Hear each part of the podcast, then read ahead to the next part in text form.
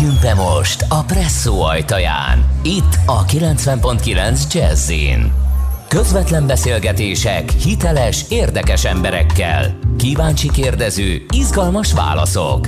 A Presszóban minden lehetséges. A mikrofonnál Szemere Katalin. Jó estét kívánok!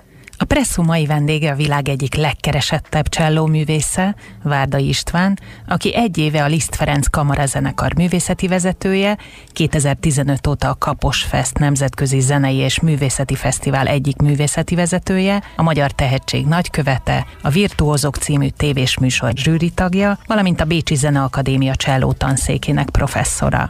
Szervusz István! Szervusz, üdvözlöm a kedves hallgatókat! Jó estét! Azt nyilatkoztad egy interjúban, hogy a hangszer alapvetően nem a lélek szabályai szerint működik, hanem a fizikai, az akusztika szabályai szerint, a jó hangzás alapja pedig a helyes technika. Ez azért eléggé kiábrándítóan hangzik, de a helyes technika elsajátítása teszi a művész kiemelkedővé? Igazából nem, az csak egy alapfeltétel ahhoz, hogy meg tudjuk valósítani azt, amit elképzelünk. Ezt elég sarkalatosan fogalmaztam meg. Itt igazából arra reflektáltam, hogy van ennek a szakmának is ugye egy olyan szakmai része, amit nem lehet megkerülni, és ugye érdemes a hangszernek a fizikai törvényszerűségeivel tisztában lenni, és ezt elsajátítani, és nem pedig csak úgy azt várni a hangszertől, hogy követi majd az érzelmeink érzelmeinket és a beleélésünket, tehát ennél ez egy kicsit racionálisabb, mármint az a része, amikor gyakorlunk. Aztán amikor pedig koncert van és minden adott, akkor természetesen nem kell ezekkel foglalkozni, hanem el lehet engedni nagyon különleges Stradivari hangszered van, amelyről azt mondtad, hogy kifejezetten nehezen adja magát, egy nagyobb testű hangszer, és mióta ezen játszol 6 kilót magadra szedtél, mert nagyobb fizikai erő szükséges hozzá. Mitől jó ezen játszani? Az egésznek a lelkülete az a fajta érzet, hogy azért ez már lassan 350 éves lesz ez a hangszer is, csak egyre csak jobban szól, és azon az időszakon keresztül, amikor így összeszoktunk, és ez már most már lassan négy éve, vagy öt, talán öt éve van nálam a hangszer, ezért ezt, ezt mondhatom, hogy egyrészt abból az öt kilóból sikerült kicsit vissza, visszavinni, másrészt meg ezért megadta magát abban az értelemben a hangszer, hogy rájöttem, hogy mire van szüksége és mitől, mitől nyílik ki. Ez kicsit olyan, mint hogyha tényleg, mint hogyha lenne személyisége a hangszernek, és, és erős személyisége van minden ilyen régi nagy mesterhangszernek, úgyhogy nekünk kell, az előadóknak kell adaptálódni ahhoz, hogy ki tudjuk hozni belőle a legtöbbet. És hogy földi halandó értheti, hogy mitől nyílik meg egy ilyen hangszer? Az énekléshez lehetne hasonlítani, hogy, hogy érzi az ember, hogy van egy nagyon-nagyon jó hang, de mennyi levegőt kell hozzáadni, milyen intenzitással kell megszólaltatni, hol kell tartani, hol van az ellenállás, ez az énekeseknél ugye rekesz, mennyire hagyja, hogy esetleg az ember nagyobb erőt fejtsen ki rajta, vagy hol hagyja, tehát ugye a húrszakaszok közelebb a hídhoz, a híd az a az a fa szerkezet, ami átviszi tulajdonképpen a húrókból a rezgést a testbe. Az minél közelebb játszik az ember a vonóval, annál nagyobb az ellenállás, annál nehezebb megszólaltatni, viszont annál hangosabb tud lenni például. És akkor ezeknek a, a finom arányai, tehát ezek milliméterek tulajdonképpen, és minden ilyen csodálatos hangszeren, minden hangnak megvan a saját helye, ezt meg kell tanulni, tehát tulajdonképpen az öt oktávnyi hang plusz a félhangok, 60 különböző pozíció, és akkor még azon belül is a különböző színek. Egy kicsit az ember a hangmagasságot följebb viszi, lejjebb viszi, intonálja természetesen azon belül, hogy ne legyen már hamis, hanem az adott darab karakterének a, a színéhez, mint egy festő a palettán esetleg pasztellesebb színeket, vagy élénkebb színeket keres, és hogy ezek hol vannak, tehát itt a több ezer lehetőség van egy ilyen hangszeren is, azért, azért nagyon különleges, mert ezek a lehetőségek mind külön-külön kiválaszthatók és kiszínezhetők. Azáltal is, hogy ugye a korral a fa öregedett azok a rezgések, amiket már más művész művészek beleraktak, azok valamilyen szinten azért ebbe az élő anyagban, fában valamilyen szinten integrálódtak, és szerintem ez nem feltétlenül egy belemagyarázás, de hogyha mi az lenne, még akkor is maga a tudat és maga az érzet az, az egészen különleges. Milyen felelősséggel jár a világ egyik legkeresettebb cselloművészének lenni? Én ezzel nem foglalkoztam igazából úgy különösebben soha, hogy most leg ilyen, vagy legolyan, vagy verseny, vagy persze jól esik, hogyha meghívnak játszani, és én azt mondanám, hogy a felelősség része az inkább az, hogy egy ponton túl ugye figyelik azt, hogy, hogy mint művész, mint ember, főleg ugye fiatalabbak fele, fiatalabb generáció fele azért abból a szempontból felelősség, hogy az ember hogy bánik ezzel a, ezekkel a lehetőségekkel, és mennyire tud következetes és ugyanúgy művészet iránt elköteleződtek maradni egy ilyen helyzetben nagyon könnyen el tud gravitálni, úgymond el tudja húzni az embert, vagy az ember egóját nagyon sokféle dolog, tehát ugye szokták mondani, hogy csillogás, színpad, és ugye a vele járó mindenféle dolog, de én úgy érzem, hogy ennek a negatív hatásaitól távol tudtam maradni, és mindig annak élek is azzal foglalkozok, ami a zenében és ami a darabokban a leginkább foglalkoztat, és persze nagyon élvezem azt, főleg így, hogy most már egy ideje csak ilyen korlátoltabb távolságokba tudtam utazni, tehát is főleg Európán belül, vagy most nem olyan rég Moszkvában voltam. Azért nagyon ö, ö, szeretek utazni, és a, a nagyfiam 5 éves már, már nagyon hiányolja, hogy esetleg messzebb menjünk, nagyon szép emlékek vannak, akár New Yorkról, Washingtonról, az űrmúzeumról, és egyéb ilyen, egyéb ilyen helyekről, utazásokról. Közvetlen beszélgetések hiteles, érdekes emberekkel. Presszó, itt a 90.9 Jazzin. Várda István Cselló művész, a Liszt Ferenc kamarazenekar művészeti vezetője, a Presszó mai vendége. Hogy lehet ennyi pozíciót felelősség teljesen abszolválni, mint a tanítás, tévézés, a Liszt Ferenc kamarazenekar, a Kapos Fest, és akkor még nem beszéltünk saját koncertekről és a vállalkozásodról. Az az érdekes, hogy az egyik össze tud függni a másikkal. Persze ezt én a külön szigetekként kezelem, de mégis vannak hidak a szigetek között, amin könnyen át lehet járni, és most a, a tehetséggondozás és a, a tanítás az egyértelműen összefügg. Tehát ez nagyon jó lehet a, az egyikben szerzett tapasztalatokat vagy lehetőségeket átcsatornázni a másikba, a növendékeknek és azoknak a fiataloknak, akik, akiket a maga módján vagy a lehetőségemhez képest próbálok támogatni. Ehhez nagyon jót tesz az a fajta kapcsolatrendszer, vagy az a fajta tapasztalás, amit mondjuk esetleg a virtuózokon keresztül, a, a médián keresztül megtapasztaltam, hogy ez hogy működik, mert szimplán azzal, ha egy ilyen helyzetre fel tudom készíteni a fiatalt, hogy ez hogy kezelje, adott esetben egy ilyen tehetségkutatót, hogy mennyire ne úgy kezelje például, mint mondjuk egy, egy, egy nemzetközi nagy megmérettetést, akkor az már egy előny. Itt a rend a, szerintem a kulcs szó, és az, hogy, hogy az összes szigeten külön-külön rend legyen. Természetesen nagyon sok energiát fel tud emészteni, de egyelőre úgy érzem, hogy, hogy, hogy nagyon inspiráló. És rend van mindegyik és szigeten? Általában igen.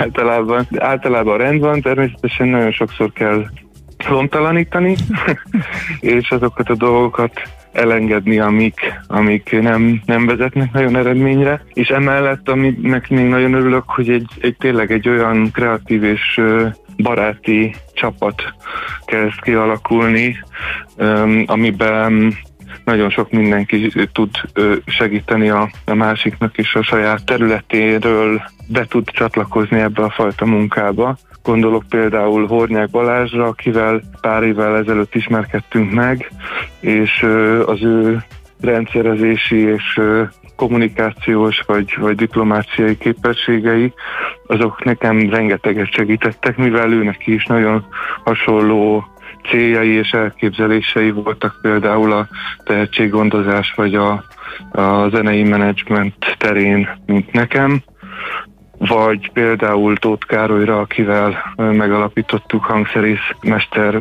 barátom, akivel megalapítottuk ezt a, az imént említett vállalkozást, amivel új, szintén tulajdonképpen valamennyire visszacsatlakozunk a, a tehetséggondozáshoz, mert egy olyan terméket hoztunk létre, amivel sokkal responsívabbá és sokkal könnyebben kezelhetővé válnak például a vonós hangszerek. Erről még beszélünk egy kicsit később, de ha már a kreativitásnál tartunk, akkor új arculatot kapott a Liszt Ferenc zenekar, és az új logo alapvetően egy újra gondolt kotta rendszer, Bartók divertimentójának első ütemeit teszi láthatóvá, és lényegében egy alternatív zenei nyelv használatával. Ez Herbst László és Zelenák Dániel találmánya, és ez a logó okos telefonnal leolvasható kódként. Az is egy érdekessége, hogy a logó számtalan variánsa létrehozható, és a hallgatók is létrehozhatják a sajátjukat. Elmagyaráznád egy teljesen laikusnak, hogy hogyan gyárthat magának logót ebben a rendszerben? A Liszt Ferenc Kabarazenekarnak a honlapján megtalálható ez az applikáció, és ott vannak már most egész szép számban zenedarabok, amelyeknek egy részletéről aztán ez az applikáció képes létrehozni egy, egy egészen egyedülálló logót, és ennek a hosszú távú célja, az pedig, hogyha már szigeteknél meg hidaknál vagyunk, akkor az lenne tulajdonképpen, hogy ez egy híd a zenehallgató és a, a mi általunk előadott koncertek között.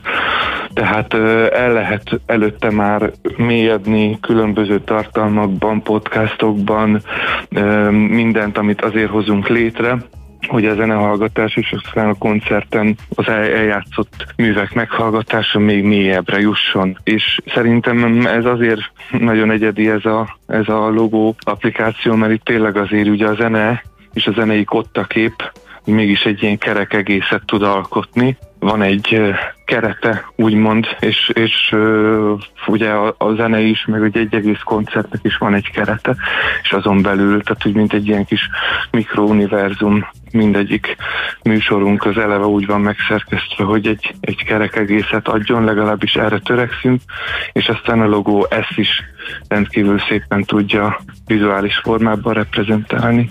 És lett saját logód? lehet, lehet mindenkinek a zenekarból saját logó. Én Schumann Cello versenyének a nyitányából készítettem, ami egy, egy egészen egyszerű hármas hangzat felbontás. Tulajdonképpen csak ahogy ez fel van rakva, az mégis egy, egy önálló univerzum, az egy, egy olyan 5 másodperc alatt egy olyan állapotba tud elvinni, ami Schumannnak tényleg azt a géniuszát dicséri, hogy tulajdonképpen három-négy hanggal hogy lehet uh, úgy színekkel játszani és idővel játszani, hogy az ember egyből egy, egy más világba érezze magát. Jazzy Presso mai vendégének, Várda Istvánnak, a Liszt Ferenc Kamarazenekar művészeti igazgatójának szívügye a tehetséggondozás. Ugye erről már korábban is szó volt, és azt nyilatkoztat, hogy szereted a komfortzónából kivinni a növendékeket. Mivel lehet kivinni a komfortzónából, és mennyire kell tudni zenélni ehhez, hogy kivihető legyen? Az biztos, hogy kell hozzá egyfajta igény a növendék részéről, de most, hogy ez tudatos vagy ösztönös, az, az egy kérdés, de ezek apró dolgok is lehetnek. Valaki például lassan szeret gyakorolni, valaki csak gyorsan szeret gyakorolni. Amikor megnézünk egy részt egy darabból, akkor az is lehet a komfortzónából való kilépés, hogy pont nem úgy gyakoroltatom ott, ahogy ő azt eleve szokta. De lehet adott esetben egy olyan radikálisabb lépés is, hogy egy koncertre, amit mondjuk esetleg közösen játszunk, vagy készülünk, egy olyan zenei korszakból választunk egy darabot, ami neki nagyon mély víz, vagy esetleg még nem alakult ki az a nyelvezet. Ez már egy picit uh, súrolja ugye a, a, a radikalitás határát, de természetesen ezek nem olyan koncertek, amelyiknek olyan különösebb tétje lenne, csak szimplán az, hogy érzékelje meg azt a fajta helyzetet, vagy azt a fajta igényt, ami, hogyha valaki tehetséges, akkor ösztönösen utána elkezd a kis tudatalattia, meg a, az egész gondolkodás abba az irányba keresgélni, mint hogyha futna így a háttérbe egy, egy program, ami keresi a megoldást ezekre a dolgokra, és ez persze nem a, arról szól elsősorban sem a pedagógiai elképzelésem, meg sem a természetem, hogy, hogy rángassam a, a szőnyeget a tehetségek lába alatt. Én inkább tényleg abba hiszek, hogy pozitív megerősítéssel és biztatással és önbizalom fejlesztésével kell előre haladni, de néha jó beugrani a hideg mély vízbe. művészbarátaiddal 2019-ben indítottad el a Kamara Akadémia Egyesületet, amely egy tehetségtámogató program, és olyan rendszert szeretnétek meghonosítani, ami perspektívát ad a fiataloknak, amikor már nem gyerekek, de még a pályájuk elején keresik az útjukat. Volt olyan tanár, aki ugyanígy gondolkodott benned? Volt mindenképpen, szóval én amikor Magyarországon tanultam, rendkívül sok támogatást kaptam, aztán utána a külföldön is, persze másfajtát, ezt, mindenképpen ezt a vonalat szeretném folytatni, ez egy nagyon fontos dolognak tartom, és nagyon fontos dolognak tartjuk mindannyian, akik ebbe az egyesületbe részt veszünk. Eszenciális feladat az, hogy azt a fajta inspirációt, és főleg most ugye ebben az időszakban, amikor, amikor azért egy, nem lennék szívesen egy, egy 16-7-8-20 éves fiatal művésznek a, a helyében, hogy, hogy láthatni egyáltalán azt, hogy milyen perspektívák lehetnek. Covid miatt? Így van, így van. Hát az utaz, utazások miatt elmaradnak, koncertek nincsenek, nem tudni, hogy mikor lehet megint közönségnek játszani, stb. Tehát azért az, nekünk ez, főleg annyi idős korban, amikor még ugye az ember nem feltétlenül a művészetnek az egyetemes értelmén gondolkozik olyan sokat, addig azért nagyon fontos az, hogy, hogy legyen, legyenek célok, legyenek versenyek, legyenek koncertek, amire lehet készülni, és ahol meg lehet mutatni magát az embernek, és hát ez, ez, egy, ez egy nagyon nagy feladat, ehhez egyébként nem senki nem elég erős, hogy ezt a helyzetet kellőképpen tudja kompenzálni, viszont az Egyesülettel szervezünk különböző felvételeket, videófelvételeket, anyagokat tudunk gyártani, a diákokkal összehozzuk őket, például egy magyar zongoristát, egy német csellista növendékemmel, akkor tudnak játszani, megteremtjük hozzá a feltételeket, esetleg el tudnak egymáshoz utazni, ahhoz is megteremtjük a feltételeket, és aztán utána ö, egy felvétel készül abból, amit ők összeraktak, és azt utána megnézzük, kielemezzük, és adott esetben, hogyha jó, akkor, akkor fel lehet használni különböző célokra. Ez, ez egy példa abból, hogy mit tudunk most csinálni az Egyesülettel, de amúgy hosszú távon ez remélhetőleg egy tényleg egy Kárpát-medencei régió és Közép-Európának egy, egy olyan szervezett központja tud lenni, vagy központjává tud válni, ami, ami szintén hidakat épít különböző nemzetiségű tehetségek között is, és a magyar tehetségeknek pedig hidakat épít a nemzetközi pódiumok fele. Közvetlen beszélgetések hiteles, érdekes emberekkel. Presszó, itt a 90.9 Jazzin. A Jazzy Rádióban Várdai István Cselló művésszel presszózunk. Egy 270 éves zeneművhöz, Carl Philipp Emanuel Bach művéhez szóló részt komponáltál, és tavaly októberben el is játszottad a Zeneakadémián. Ez egykor gyakori volt a zenészek részéről, ma azt mondják a szakértők, hogy igen egyedi. A tanítványaidat is arra bíztatod, hogy írjanak saját kadenciát. Emlékszel arra, amikor először próbálkoztál ezzel? Emlékszem, igen. Először megpróbáltam ezt egy papíron kigondolni. Vittem magammal a, a strandra egy, egy, egy kotta papírt, meg egy ceruzát, és rájöttem, hogy nekem az úgy nem fog menni, hanem tényleg a, az improvizatív irányból hangszer mellől fog tudni működni az, hogy azokat, a, azokat az impressziókat és azokat a hatásokat, amit egy darab ad, azokat valamilyen formában, vagy sajátomnak vélt nyelvezetre próbáljam le lefordítani, és ebbe akad kadenciába eszenciálni. Meg kell mondjam, egyébként egész gyorsan ment onnantól kezdve, hogy így ráéreztem. Voltak eleinte ugye extrémebb kiugrások, tehát itt azért a, a főleg a klasszikus zenének Haydn is, tehát a Bécsi klasszika környékén nem feltétlenül biztos, hogy bizonyos szerkezeti akadályokat át kell ugrani, tehát itt gondolok különböző modulációkra, annak meg megvan nagyjából a saját rendszere, amiben ezt tud mozogni. Viszont Philipp Emanuel Bachnál úgy éreztem, hogy egészen a viszonylag modernebb, minimalista irányba is el lehet indulni, mert adja magát az anyag ehhez. Tehát ez nagyon érdekes, hogy ott, ott körülbelül pont így, így módszert Bécsi klasszika környékén alakult ki egy ilyen viszonylag merevebb nyelvezete, amin belül aztán természetesen egy egészen extrém érzelmi paletta bújik meg, és ezt is ki lehet emelni. Viszont korábban a barokba ott ö, valahogy megengedőbb ö, az a zene, hogy akár, akár műsorkoncepcióba, vagy tematikailag kapcsolódjon mondjuk 20. századdal, vagy kortárs dolgokkal. Írtál már teljes zeneművet? Hát sajnos nem volt még rá időm, de jogosítványom sincs még, úgyhogy majd eljön ennek is az ideje.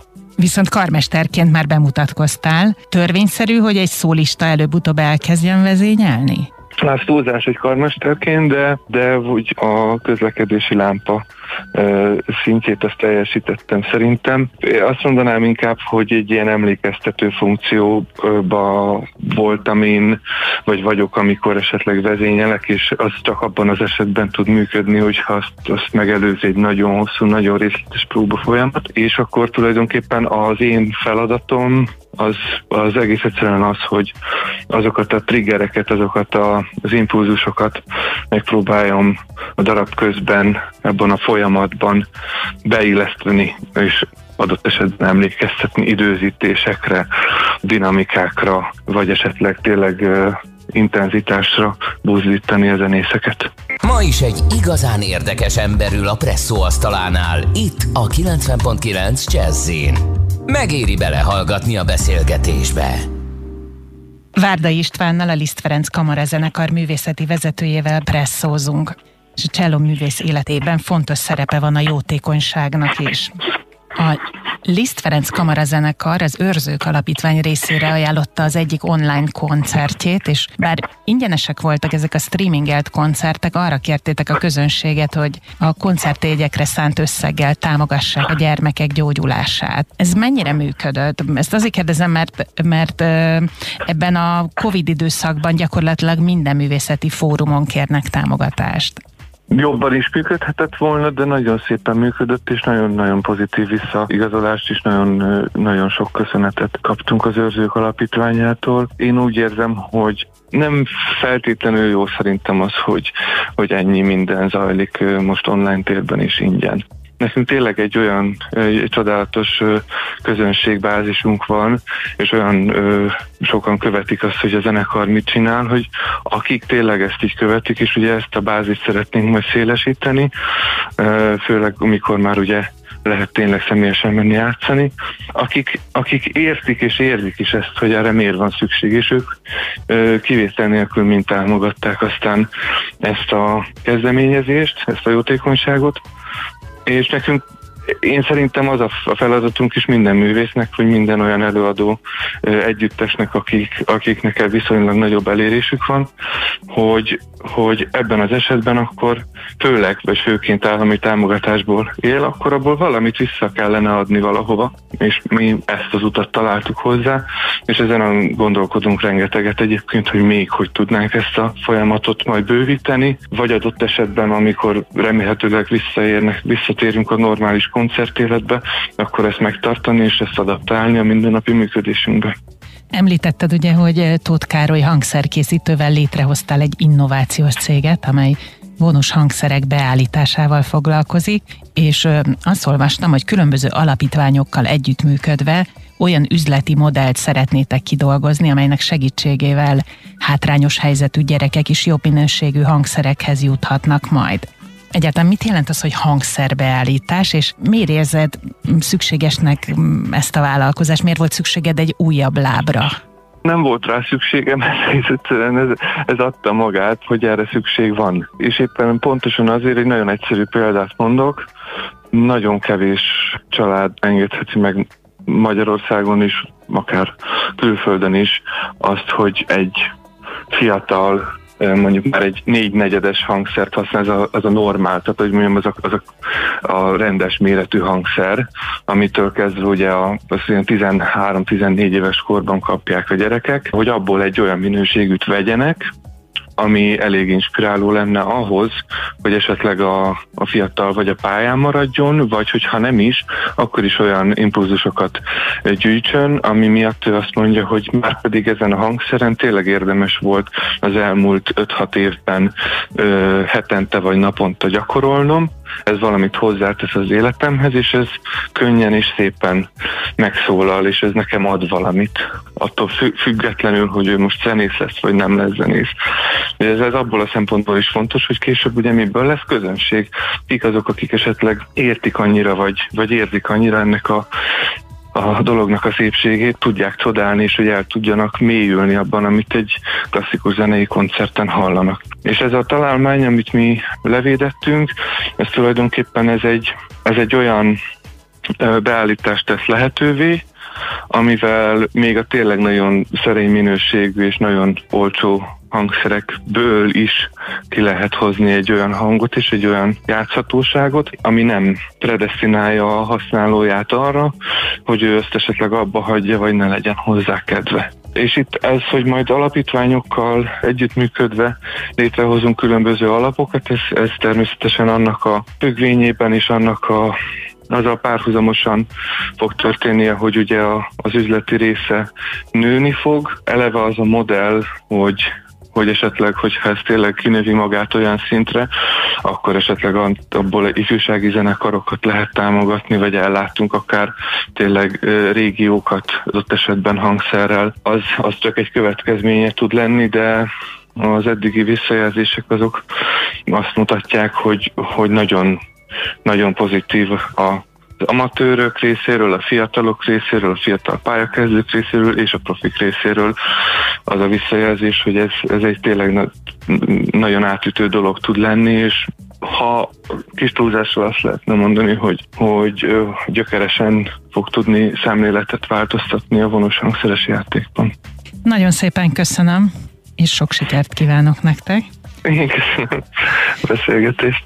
Köszönjük, hogy velünk tartottak, hallgassák a Liszt Ferenc kamarazenekart és Várda István koncertjeit, menjenek majd a Kapos Festre, ha lesz megint, és aki nem hallotta a teljes beszélgetést, vasárnap délután 6 órakor pótolhatja itt, a 90.9 Jazzy Rádióban. Aki további presszó beszélgetésekre és érdekességekre kíváncsi, megtalálja a Jazzy és a Presszó közösségi online felületein. Búcsúzik a műsorvezető Szemere Katalin.